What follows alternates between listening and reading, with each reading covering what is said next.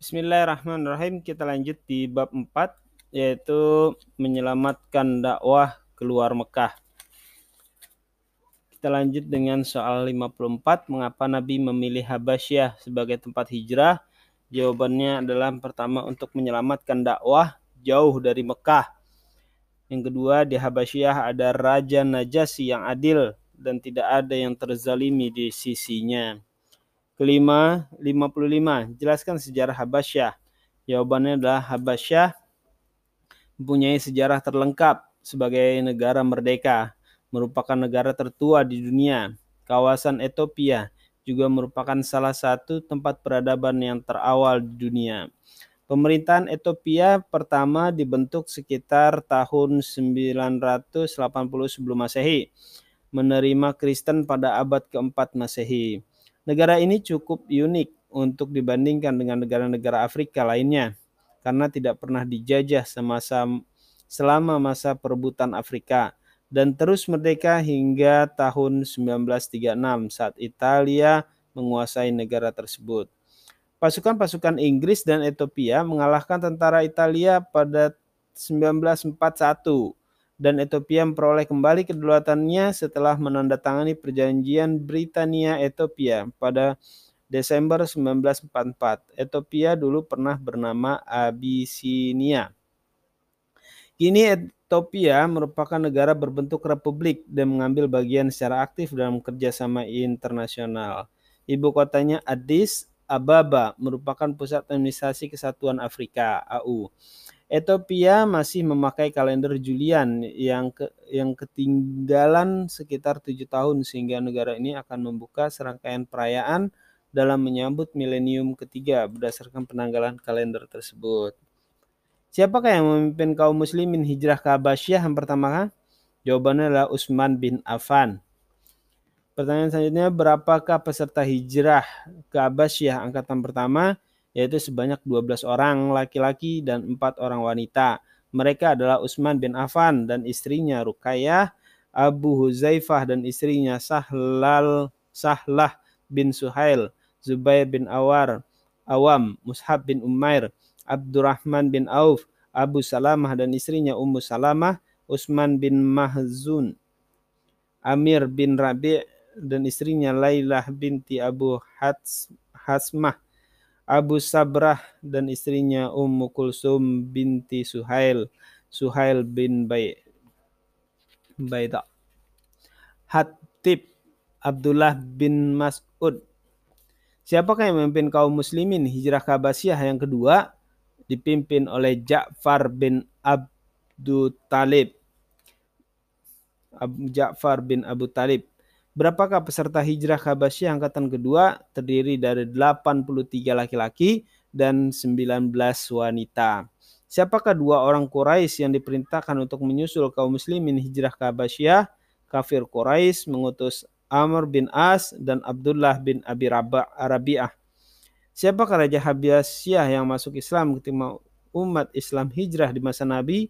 Raja Najasi para ulama memasukkannya dalam kelompok tabi'in, bukan sahabat Nabi, karena ia tak pernah bertemu Nabi, meskipun hidup selama semasa dengan beliau. Karena Abdurrahman Ra'fat Basya memasukkannya sebagai tabi'in dalam karya Suar min Hayatil Tabi'in.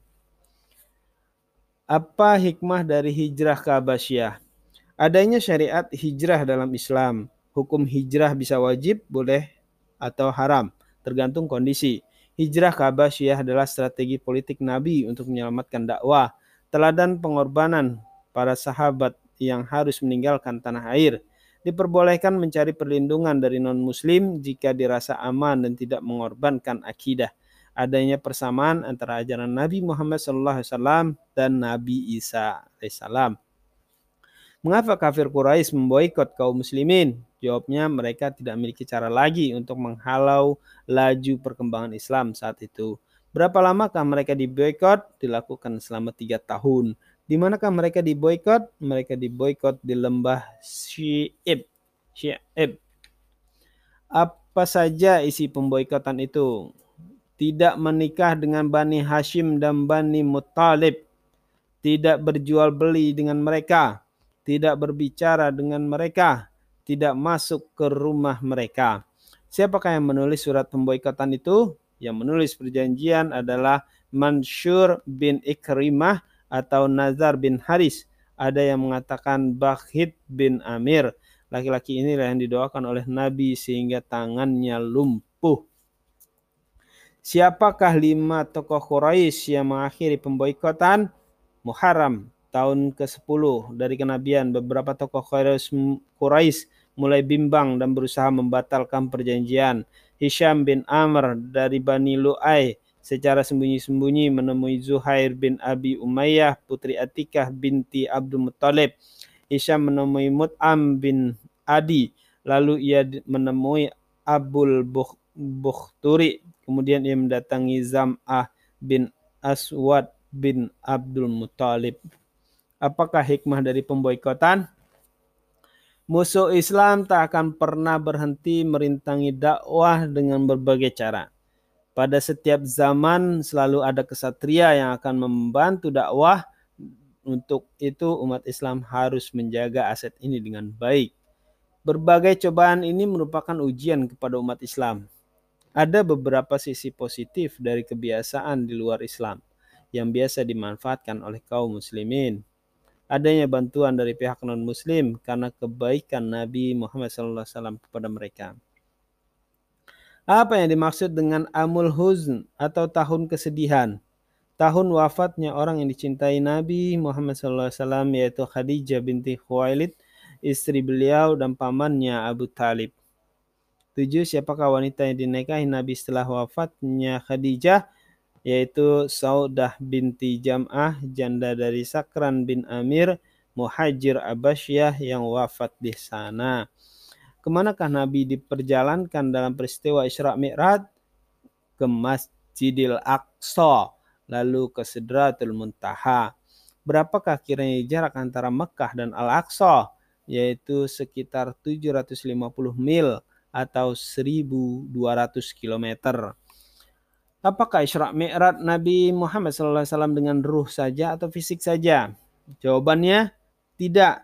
Nabi Muhammad SAW diperjalankan dengan ruh dan jasadnya. Dengan ruh dan jasad. Pendapat ini bisa dijelaskan sebagai berikut. Pendekatan secara bahasa. Kata subhana dalam surat Al-Isra ayat 1 menunjukkan ketakjuban yang tak biasa. Sedangkan kata Isra lajim mengacu pada fisik dan jasad. Pendekatan sejarah. Jauh sebelumnya di era Nabi Sulaiman, teleportasi sana Ratu Bilqis hanya dalam satu kejapan mata oleh seorang hamba Allah. Quran surat 27 eh, eh, ayat 40. Jika Isra dan Mi'raj tidak melibatkan fisik, tentu tak akan membuat heboh kafir Quraisy Mekah. Pendekatan keimanan tak ada yang mustahil bagi Allah. Di langit pertama, kedua hingga ketujuh Nabi bertemu dengan siapa saja? Jawabannya adalah di langit pertama beliau bertemu dengan Nabi Adam. Di langit kedua bertemu Yahya dan Isa. Di langit ketiga bertemu dengan Nabi Yusuf. Nabi di langit keempat bertemu dengan Nabi Idris, kelima bertemu dengan Nabi Harun, keenam ketemu dengan Nabi Musa, di langit ketujuh bertemu dengan Nabi Ibrahim.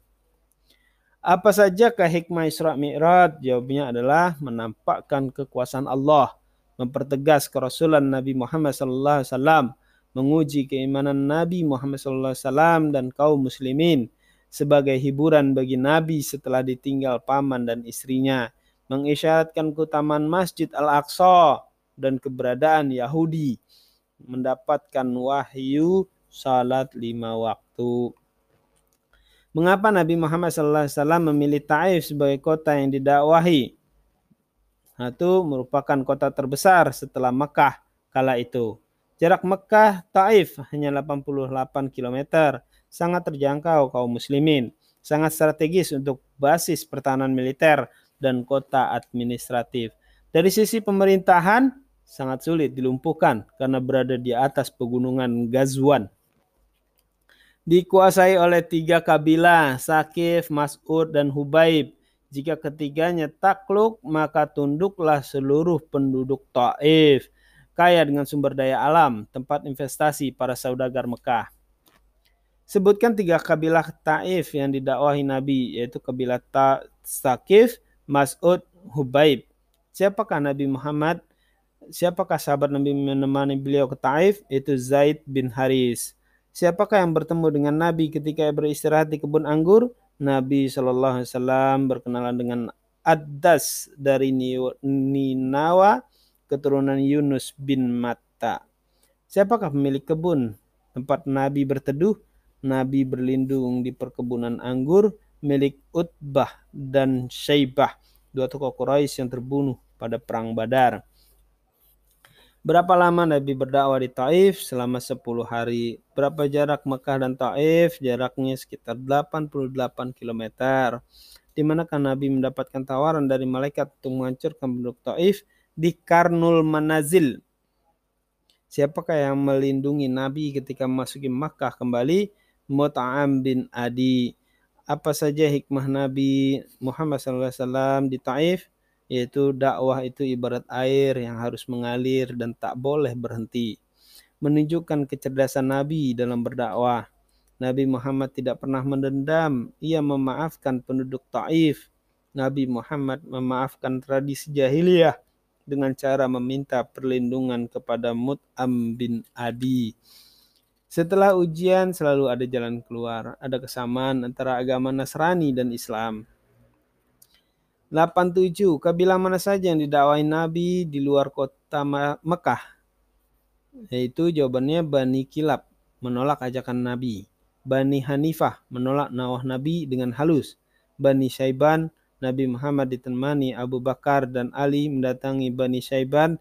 Di antara mereka ada Makhruk bin Amir, Hani bin Kabishah, Mutsni bin Haris, dan Nu'man bin Shuraik. Abu Bakar menanyakan tentang kekuatan politik dan militer Bani Syaiban. Setelah itu Abu Bakar mempersilahkan Nabi berbicara. Beliau segera memaparkan tentang Islam, membaca surat Al-An'am ayat 51, 151 dan An-Nahl 90. Makhruk Makhruk kagum dan menyerahkan keputusan kepada Hani bin Kabishah yang ahli agama. Hani meminta waktu untuk berpikir dan ia pun mempersilahkan Musni bin Haris, ahli politik, untuk berbicara. Musni meminta waktu berpikir, tapi ia menjelaskan bahwa kabilahnya terikat janji dengan Yamamah, Persia, dan Samana, Samana, Samamah, Romawi. Dan sekali ini Nabi memutuskan untuk menolak kemungkinan bantuan dari Bani Syaiban.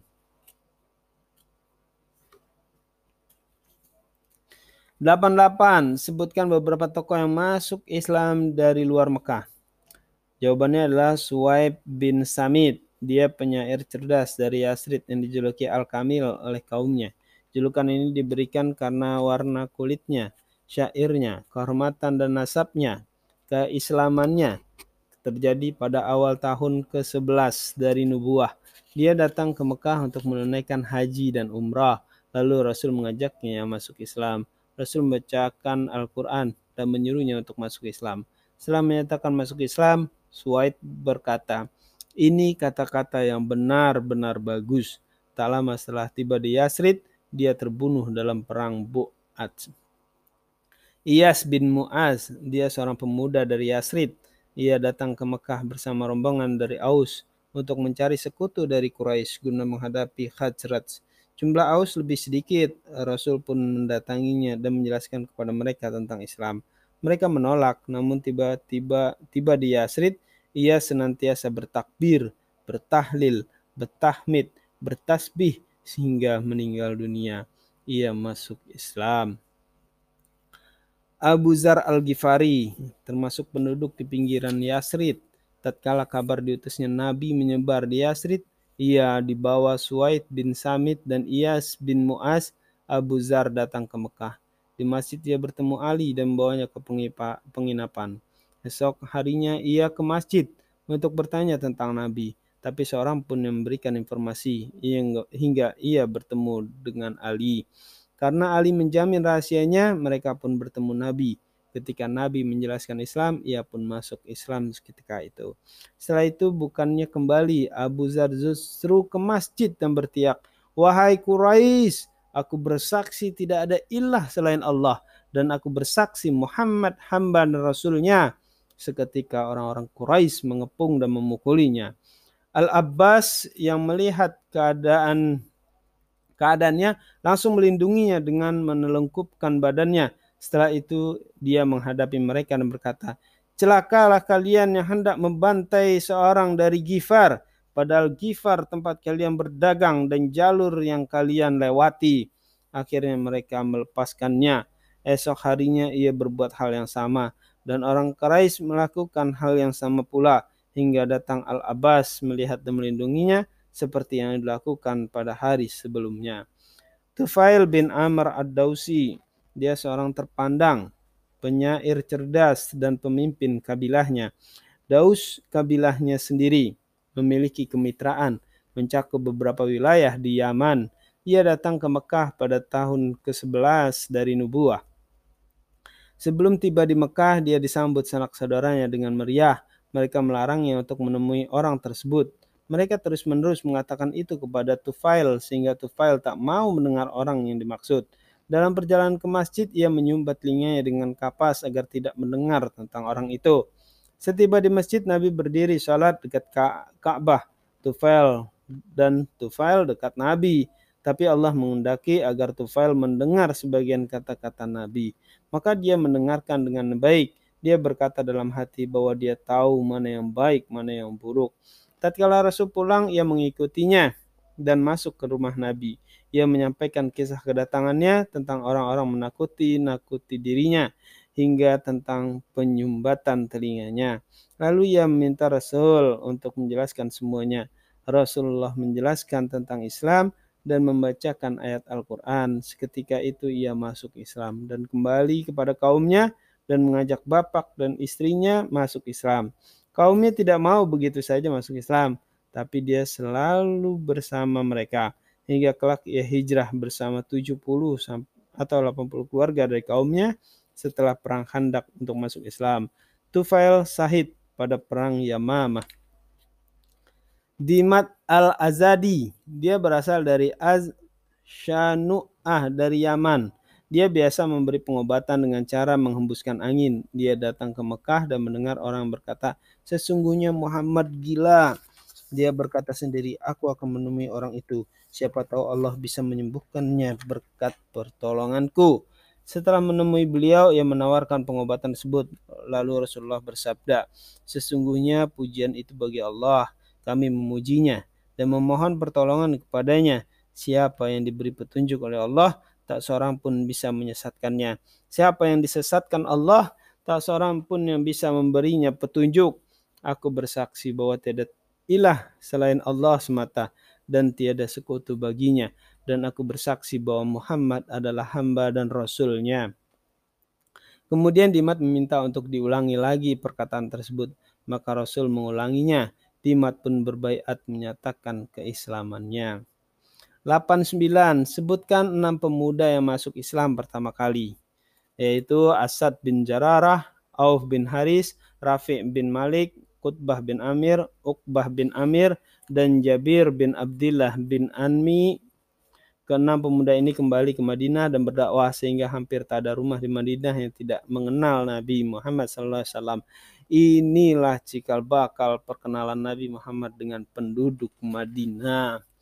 90. Perjanjian Aqabah 1 diikuti berapa orang? Yaitu diikuti oleh 12 orang. Mereka adalah As'ad bin Jararah, Auf bin Haris, Rafi bin Malik, Qutbah bin Amr, Utbah, Uqbah bin Amir, Muaz bin Haris, Zakwan bin Abdul Qais, Ubadah bin Samit, Yazid bin Sa'labah, Abbas bin Ubadah, Abul Haisam dari kabilah Aus, dan Uwaim bin Saidah dari kabilah Aus. Perjanjian Akobah 2 diikuti beberapa diikuti berapa orang? Jawabannya adalah diikuti oleh 70 laki-laki dan dua wanita. Apa saja isi Baitul Aqabah pertama? Tidak menyekutukan Allah, tidak mencuri, tidak berzina, tidak membunuh anak-anakmu, tidak berdusta, tidak membantah perintah. Apa saja isi Baitul Aqabah kedua? Yaitu untuk mendengar dan taat baik dalam perkara yang mereka sukai maupun yang mereka benci. Untuk berinfak baik dalam keadaan sempit maupun lapang. Untuk beramar ma'ruf nahi mungkar agar mereka tidak terpengaruh celaan orang-orang yang mencela di jalan Allah agar mereka melindungi Muhammad Shallallahu Alaihi Wasallam sebagaimana mereka melindungi wanita-wanita dan anak-anak mereka sendiri. 94. Apa perbedaan mendasar antara isi Baitul Aqabah pertama dan kedua? Jawabannya adalah Bayat pertama disebut Baitun Nisa karena tidak menyinggung sama sekali tentang jihad dan pembelaan. Bayat kedua disebut Baitul Harb karena secara terus terang Nabi Muhammad SAW meminta perlindungan kepada kaum Ansor. 95. Siapakah sahabat Nabi yang pertama kali diutus Nabi ke Madinah? Mushab bin Umair. Apa rahasia dibalik kesuksesan Mushab bin Umair? Di Madinah banyak keluarga Nabi dari ibu kakeknya, tapi Mushab bukan dari keluarga Nabi, sehingga penduduk Madinah menganggap dakwah Mushab dengan objektif. Mushab adalah seorang pemuda kaya dan tampan serta berwibawa. Mushab seorang ahli diplomasi dan coaching yang handal. Mushab punya pengalaman hijrah ke Abasyah. Sengaja tidak dikirim Abu Bakar dan Utsman agar tidak muncul anggapan bahwa Islam hanya untuk orang kaya. Tidak juga dikirim Bilal agar tidak dilecehkan. Siapakah dua wanita yang membaiat Nabi dalam Baitul Aqabah II, yaitu Nusaibah binti Ka'ab dan Asma binti Amr. Apa saja hikmah Baitul Aqabah? Kecerdasan Nabi menggelar, menggelar peristiwa bayat yang sangat rahasia. Nabi sengaja menghadirkan pamannya Abbas untuk meyakinkan orang-orang Ansor. Baitul Aqabah benar-benar sebagai persiapan hijrah ke Madinah. Yang 99, siapakah 12 nakib yang diangkat Nabi di Madinah? Dari kabilah Kharid, Kharaj, A'sad bin Jararah, Sa'ad bin Rabi, Abdullah bin Rawahah, Rafi' bin Malik, Barra' bin Ma'rur, Abdullah bin Amr bin Haram, Ubadah bin Samid, Sa'ad bin Ubadah, Munzir bin Amr. Dari kabilah Aus, Usaid bin Huzair, Sa'ad bin Khasamah, Rifa'ah Rifa bin Abdul Munzir. Demikian ikhwah eh, bab keempat. Mudah-mudahan bermanfaat buat kita semuanya. Jazakallah atas perhatian antum semuanya. Assalamualaikum warahmatullahi wabarakatuh.